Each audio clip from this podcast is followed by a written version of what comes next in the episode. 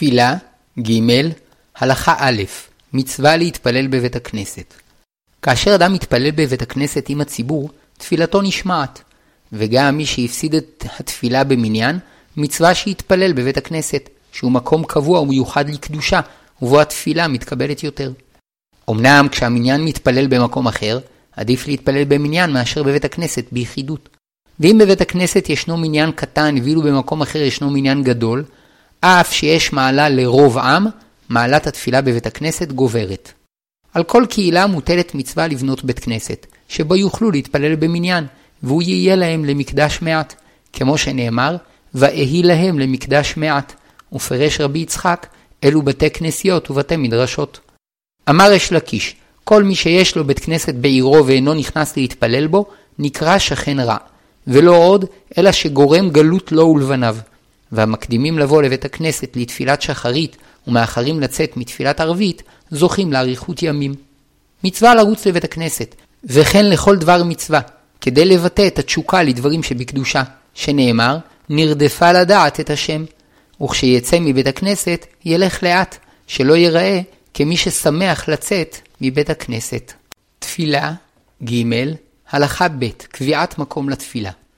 מצווה לבחור בית כנסת ולהתפלל בו בקביעות, ולא ישנה את מקום תפילתו בלא צורך. וכך נהג אברהם אבינו, שקבע מקום לתפילתו, שנאמר, וישכם אברהם בבוקר אל המקום אשר עמד שם את פני השם. משמע שהיה לו מקום קבוע שהיה רגיל לעמוד בו לפני השם.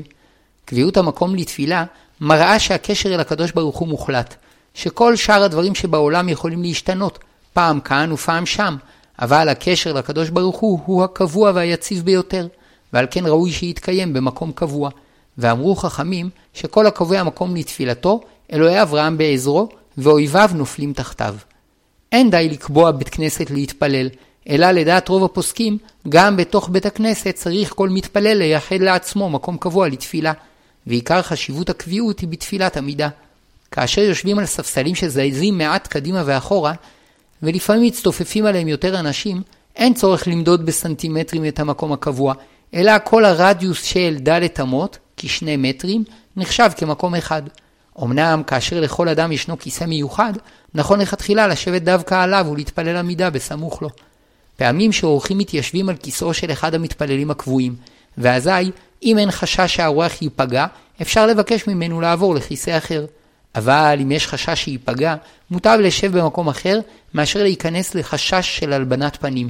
והטוב ביותר, שהגבאים יקבלו את האורחים וידאגו להם למקום ישיבה. המצווה לקבוע מקום אינה גוזרת על יהודי לגור כל חייו באותו מקום, כדי שיוכל להמשיך להתפלל במקומו הקבוע, אלא אם יש לאדם צורך לעבור דירה, או שהוא חושב שבבית כנסת אחר יוכל להתפלל יותר בכוונה, ישנה את מקום תפילתו, ויבחר לעצמו מקום קבוע חדש. אם הראה שבמקומו הקבוע לא יתקבץ מניין, ילך להתפלל במקום אחר, שמעלת התפילה במניין חשובה ממעלת קביעות המקום. כאשר ליד מקומו הקבוע הזדמנו ילדים שמשחקים ומפריעים לכוונתו, עדיף לעבור באותה תפילה למקום אחר. הנצרך להתפלל שחרית באזור אחד ומנחה ומעריב באזור אחר, אם יקבע מקום לתפילת שחרית ומקום לתפילת מנחה וערבית, יחשב כקובע מקום לתפילתו. וכן הנצרך לקבוע מקום בשבתות בבית כנסת אחד ובימות החול בבית כנסת אחר, נחשב כקובע מקום לתפילתו. תפילה, ג. הלכה ג' באיזה בית כנסת עדיף להתפלל. בבוא אדם לבחור לו בית כנסת קבוע, עליו לשקול כמה שיקולים. אם הבחירה היא בין בית מדרש לבית כנסת, מוטב שיקבע את מקומו בבית המדרש, שהוא מקודש יותר, והתפילה בו מתקבלת יותר. גם כאשר מספר המתפללים בבית המדרש מועט ממספר המתפללים בבית הכנסת, בית המדרש עדיף. אמנם נראה שאם בבית המדרש אינו יכול לקבוע לעצמו מקום, מוטב שיקבע את מקומו בבית הכנסת. כשיש אפשרות להתפלל בשני בתי כנסת, בית הכנסת שיש בו יותר שיעורי תורה עדיף, שהוא נחשב יותר כבית מדרש, ועוד שעדיף להצטרף לקהילה שמרבים בה יותר בלימוד תורה. במקום שיש שני בתי כנסת, באחד מתפללים מרובים ובשני מועטים, מקום המרובים עדיף, כי ברוב העם עם הדרת מלך. אמנם אם בבית הכנסת הגדול קשה לשמוע היטב את החזן, עדיף לבחור בית כנסת שבו ניתן לשמוע כראוי את החזן. נמצא שככלל מוטב שבתי הכנסת יהיו גדולים עד כמה שאפשר, שעל ידי כך מתרבה כבוד שמיים, אלא שגבול ישנו, שמעבר לכמה מאות מתפללים, כבר אי אפשר לשמוע היטב את החזן. אם בבית כנסת אחד רגילים לפטפט בתפילה, ובשני אין מפטפטים, עדיף להתפלל בבית הכנסת שבו שומרים יותר על כבוד התפילה, שבו אפשר לכוון יותר. הכלל החשוב ביותר הוא שהעיקר הכוונה, ולכן, מעבר לכל הכללים שאמרו חכמים, המקום שבו המתפלל באופן אישי יוכל לכוון יותר, הוא המקום העדיף. כמו כן, ראוי למתפלל להעדיף בית כנסת שמתפללים בו כנוסח אבותיו, אלא שאם בבית כנסת אחר יכול לכוון יותר, ראוי שיעדיף את בית הכנסת שבו יוכל לכוון יותר. על כל פסיעה ופסיעה שאדם הולך לבית הכנסת הוא מקבל שכר, ולכן גם כאשר בית הכנסת העדיף רחוק יותר מביתו, אל יצטער על טורח הליכתו, שעל כל פסיעה יקבל שכר מרובה. תפילה, ג. הלכה ד' אין להתפלל במקום גבוה. העומד לפני הקדוש ברוך הוא בתפילה, צריך לדעת שהחיים והברכה בידיו, ואין הקדוש ברוך הוא חייב למלא את בקשתו, ועל כן עמידתו לפניו בתפילה צריכה להיות בדרך שמבטאת ענווה. וזהו שאמרו חכמים, לא יעמוד אדם לא על גבי כיסא, ולא על גבי שרפרף, ולא במקום גבוה ויתפלל, לפי שאין גבהות לפני המקום, שנאמר, ממעמקים קראתיך השם. אמנם את בית הכנסת צריך לבנות בגובהה של עיר, כדי לתת כבוד ורוממות לבית הכנסת, אבל המתפלל עצמו צריך לעמוד לפני אלוקיו בענווה, ולכן אסור לו לעמוד על מקום גבוה. מסופר בתלמוד על רבי יונה, שהיה ידוע כצדיק שתפילותיו נענות, וכשבאו לבקש ממנו שיתפלל על הגשמים, הלך למקום עמוק, לקיים מה שנאמר, ממעמקים קראתיך השם. ושם התפלל עד שנענה וירדו גשמים. מטעם זה נהגו בכמה מקומות להנמיך את מקומו של החזן, ולכן שליח הציבור נקרא יורד לפני התיבה. ככלל, מקום גבוה שאסרו חכמים לעמוד עליו בתפילה, הוא מקום שגובהו שלושה טפחים, כ-23 סנטימטרים, מעל פני הקרקע. אמנם למעשה, בדרך כלל גם על מקום נמוך מזה אין להתפלל. שני טעמים לכך. א', העומד על שרפרף או סלע, גם כאשר גובהו טפח בלבד, חושש שמא יאבד את שיווי משקלו, ואינו יכול לכוון כראוי. ב. אם הרצפה ישרה, והוא מגביה את עצמו על ידי כרים או קסתות או דבר אחר, הוא נראה כמתגאה, ואין ראוי להתפלל כך. אבל על שטיחים ומחצלות, כדרך שרגילים לפרוס על הרצפה, מותר להתפלל לכתחילה. וכן מי שמתפלל על קרקע עקומה, אין צריך להיזהר שלא לעמוד על המקומות הגבוהים, כל זמן שאינם גבוהים שלושה טפחים משאר סביבותיהם. חולה או זקן שקשה לו לרדת ממיטתו, רשאי להתפלל עליה, למרות שהיא מוגבעת מהקרקע, שאין זה נראה כגאווה. אם המקום הגבוה עומד בפני עצמו, כגון שהוא גדול יותר מ-400 על 400, כ-2 מטר על 2 מטר, מותר להתפלל עליו, שאין מודדים אותו ביחס לשאר המקומות, אלא הוא נחשב מקום לעצמו. לכן, כאשר יש בבית כנסת שני מפלסים, אם יש במפלס הגבוה 400 על 400, מותר להתפלל עליו. גם כאשר המקום קטן מ-400, אם הוא מוקף במחיצות, הרי הוא מקום לעצמו ומותר להתפלל עליו. וכן הדין בבתי כנסת שבנו במרכזם בימה לצורך החזן, שאם הקיפו המחיצות או שהיא גדולה יותר מ-400 על 400, מותר להתפלל עליה, שאין למדוד את גובהה ביחס לבית הכנסת, הואיל והיא מקום נפרד. אלא שהמתפלל עליה אינו מקיים את ההידור המתבטא בפסוק ממעמקים קראתיך השם. ובכל זאת העדיפו באותם המקומות לבנות בימה לחזן ולוותר על ההידור של לרדת לפני התיבה, כדי שכל הציבור יוכל לשמוע היטב את קולו של שליח הציבור. תפילה, ג. הלכה ה' ייכנס שני פתחים. אמרו חכמים, לעולם ייכנס אדם לבית הכנסת שיעור שני פתחים ואחר כך יתפלל. שלושה פירושים נאמרו בזה, וכולם נתקבלו להלכה.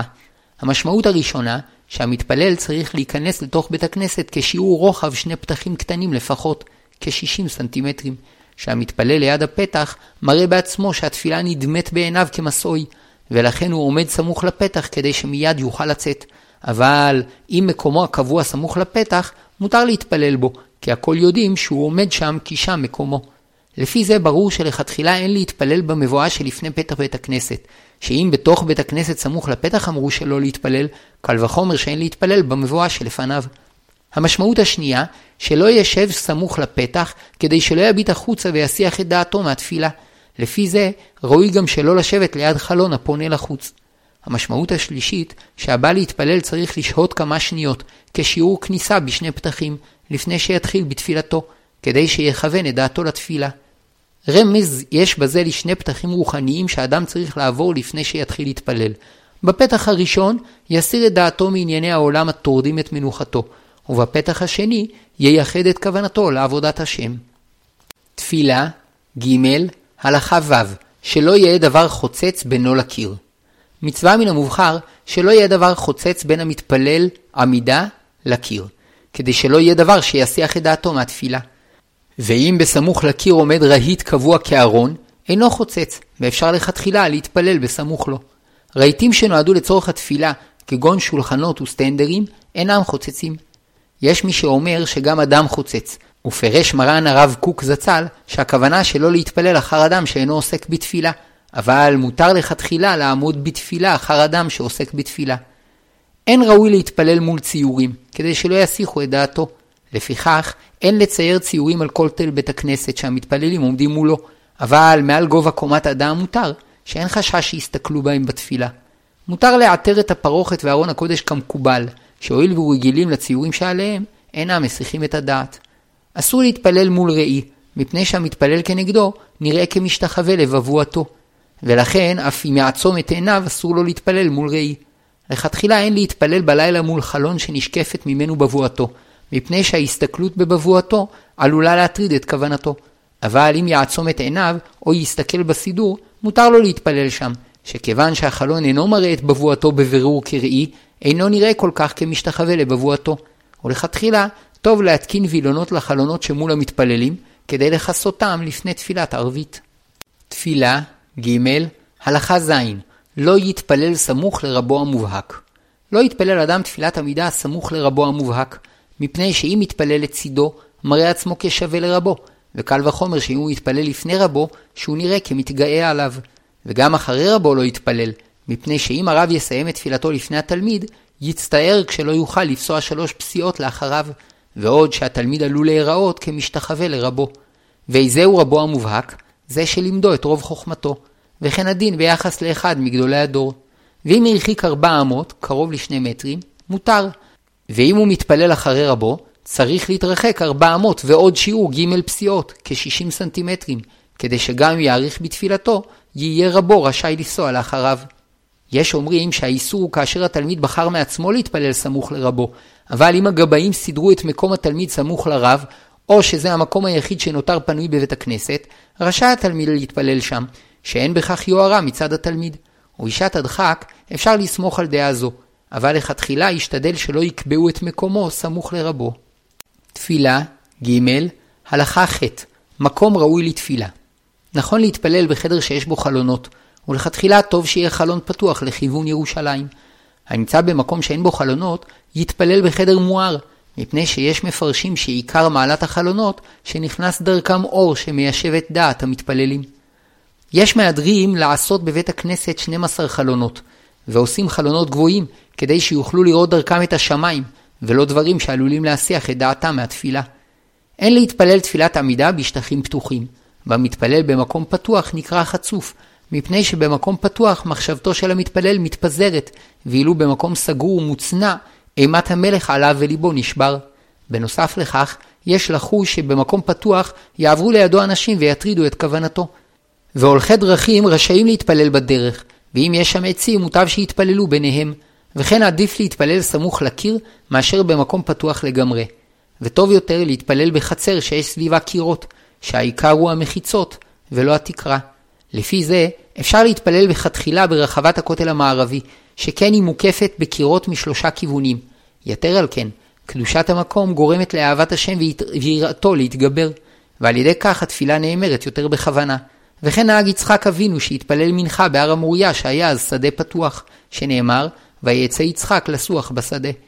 כשאין אפשרות להתפלל בתוך בית הכנסת, כגון שהוא תפוס על ידי מניין אחר, מותר להתפלל אחרי בית הכנסת, ובתנאי שפני המתפלל יופנו לכיוון בית הכנסת וירושלים. וכן בצידי בית הכנסת מותר להתפלל כשהפנים מופנות לכיוון ירושלים. אבל לפני בית הכנסת בכל אופן אסור להתפלל, מפני שאם יפנה לכיוון ירושלים, יהיו אחוריו מופנים בביזיון לבית הכנסת, ואם יפנה לבית הכנסת, יהיו אחוריו לירושלים. תפילה, ג. הלכה ט' נקיות המקום מצואה וריחות רעים. אסור לומר או להרהר דברים שבקדושה במקום שיש בו צואה או שאר דברים מסריחים, שנאמר, ושבת וכיסית את צאתך, כי השם אלוהיך מתהלך בקרב מחניך וגומר, והיה מחניך קדוש.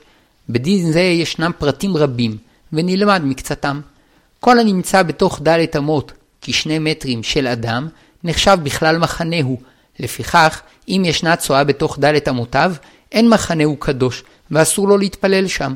ואם הצואה מונחת כנגד פניו, כל זמן שהוא רואה אותה, אסור לו להתפלל. ואם ריחה מתפשט, צריך להתרחק דלת אמות ממקום שכלה ריחה. לכתחילה יש להחמיר בזה גם כשהריח מגיע מחדר אחר או משירותים. גם מי שחוש ריחו נפגע, צריך להתרחק, כשאר האנשים שמריחים. כדין צורת אדם, כך דין כל דבר שנתקלקל והסריח עד שבני אדם רגילים להצטער ממנו. לפיכך, יש להרחיק מנבלה ומצואת בעלי חיים שהסריחה, כפי שמתרחקים מצואת אדם. לגבי כי, אם ריחו רע, דינו כצואה, ואם אין ריחו רע, יש מקילים שלא להחשיבו כצואה. קרא קריאת שמע או התפלל בתוך דלת אמות של צואה, לא קיים את מצוותו, ועליו לחזור ולקרוא קריאת שמע ולהתפלל. ואם לא ידע שהייתה שם צואה, אם הוא מקום שיש חשש סביר שתהיה בו צואה, והתרשל ולא בדק את נקיות המקום לפני שהתפלל, לא יצא ידי חובתו. ואם הוא מקום שאין סבירות שתהיה בו צואה, יצא בדיעבד ידי חובתו. יש אומרים שכך הדין גם בשאר ברכות, שאם המרן תוך שהוא עובר באיסור תורה, לא יצא ידי חובתו ועליו לחזור ולברך. ויש אומרים שרק לגבי קריאת שמע ותפילה החמירו, אבל בשאר ברכות, בדיעבד יצא ידי חובתו. וכיוון שזו מחלוקת, אין לחזור ולברך מספק, וטוב לחזור ולערער את הברכה בליבו. תפילה, ג', הלכה י', דינים נוספים. כשפניו של המתפלל מול שירותים, אם הדלת סגורה ואין מגיע אליו ריח רע, מותר להתפלל שם, ואם הדלת פתוחה, גם כשאין מגיע משם ריח רע, אסור להתפלל שם. צואת תינוקות קטנים אינה מסרחת כל כך, ולכן אין דינה כצואה. ומשעה שהגיעו לגיל שיכולים לאכול כזית דגן בשיעור זמן של אכילת פרס, כשש-שבע דקות, צריך להרחיק מצואתם כדין צואת גדול. ויש שכתבו שהוא מגיל שנה, וכל זה בשעת הדחק, אבל לכתחילה טוב להרחיק מצואת קטן, אפילו בין שמונה ימים. כשמתפללים במקום שיש בו תינוק בן שנה ומעלה שעושה את צרכיו בחיתול, ראוי לוודא תחילה שאין יוצא ממנו ריח רע, וכל זמן שאין יוצא ממנו ריח רע, מותר להתפלל לידו, שאף אם עשה את צרכיו, כיוון שהם מכוסים בחיתול ובבגדים, כל זמן שהריח אינו מגיע לזה שאומר דברים שבקדושה, אין בכך איסור. ואם הגיע אליו ריח רע ובכל זאת התפלל, צריך לחזור על תפילתו. כאשר מגיע ריח רע מהביוב לתוך בית הכנסת, אסור להמשיך להתפלל בו.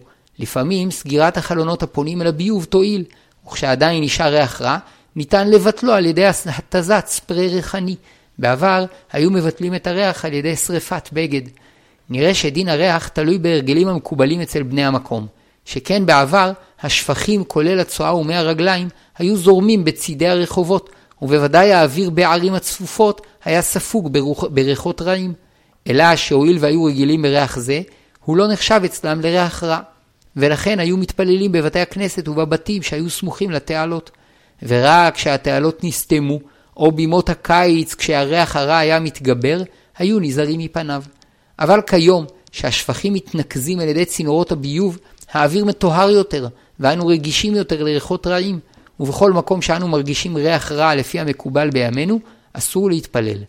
וכן במושבים שיש בהם רפתות ולולים, הריח הרגיל שמגיע לבתים ולבית הכנסת אינו נחשב שם כריח רע, אבל בעיר הוא נחשב כריח רע, ואסור להתפלל לפני שיבטלוהו, ונראה שהמתארחים במושבים הולכים אחר מנהג המקום. המתפללים בחוץ צריכים להיזהר שלא להתפלל בקרבת פחי אשפה שריחם רע, וגם כשאין עודף מהם ריח, ראוי שלא להתפלל בתוך דלת אמות שלהם, או כשהם מול פניו. תפילה, ג. הלכה י"א איסור אמירת דברים שבקדושה מול ערווה. אסור לומר דברים שבקדושה מול ערווה, שנאמר, והיה מחנך קדוש, ולא יראה בך ערוות דבר ושב מאחריך. כאשר גבר רואה גבר אחר, או אישה רואה אישה אחרת, רק כאשר מקום הערווה עצמו גלוי, אסור לומר דברים שבקדושה. אבל לגבי גבר שרואה אישה, אמרו חכמים, טפח באישה ערווה, וכוונתם שכל מקום שנשים רגילות לכסות, אסור לגלות, ואם הוא מגולה, אסור לומר מולו דברים שבקדושה. ואף שצריך לחנך ילדות ללבוש צנוע מגיל חינוך, האיסור לומר דברים שבקדושה למול טפח שרגילים לכסותו, מתחיל משעה שהבת מתחילה להתבגר. וכן לגבי שיער הראש, אמרו חכמים, שיער באישה ערווה, וכוונתם לאישה נשואה, שאם אינה מכסה את שיער ראשה, אין לומר מולה דברים שבקדושה. הצריך להתפלל או לברך ברכות או ללמוד תורה, ועומדת מולו אישה שמגלה טפח ממקומות המכוסים, לכתחילה יפנה עצמו לכיוון אחר, כך שלא יוכל לראותה. ואם אינו יכול להסתובב, יביט בסידור, או יעצום את עיניו, ויאמר דברים שבקדושה. לגבי כיסוי הראש, כתבו כמה אחרונים, שהואילו לצערנו נשים רבות אינן מכסות את ראשן, שיער שאינו מכוסה, אינו מעורר הרהורים, ובדיעבד אפשר לומר מולו דברים שבקדושה. וכל זה לגבי שיער שדינו קל משאר מקומות מכוסים, שכן מצינו שרווקות אינן חייבות לכסותו. אבל לגבי מקומות המכוסים שבגוף, שגם רווקות צריכות לכסות, אין להקל על פי סברה זו. אין לומר דברים שבקדושה בסמוך לאישה השרה, ושמיעת זמרת מרדיו, לדעת כמה אחרונים בדיעבד אינה אוסרת אמירת דברים שבקדושה.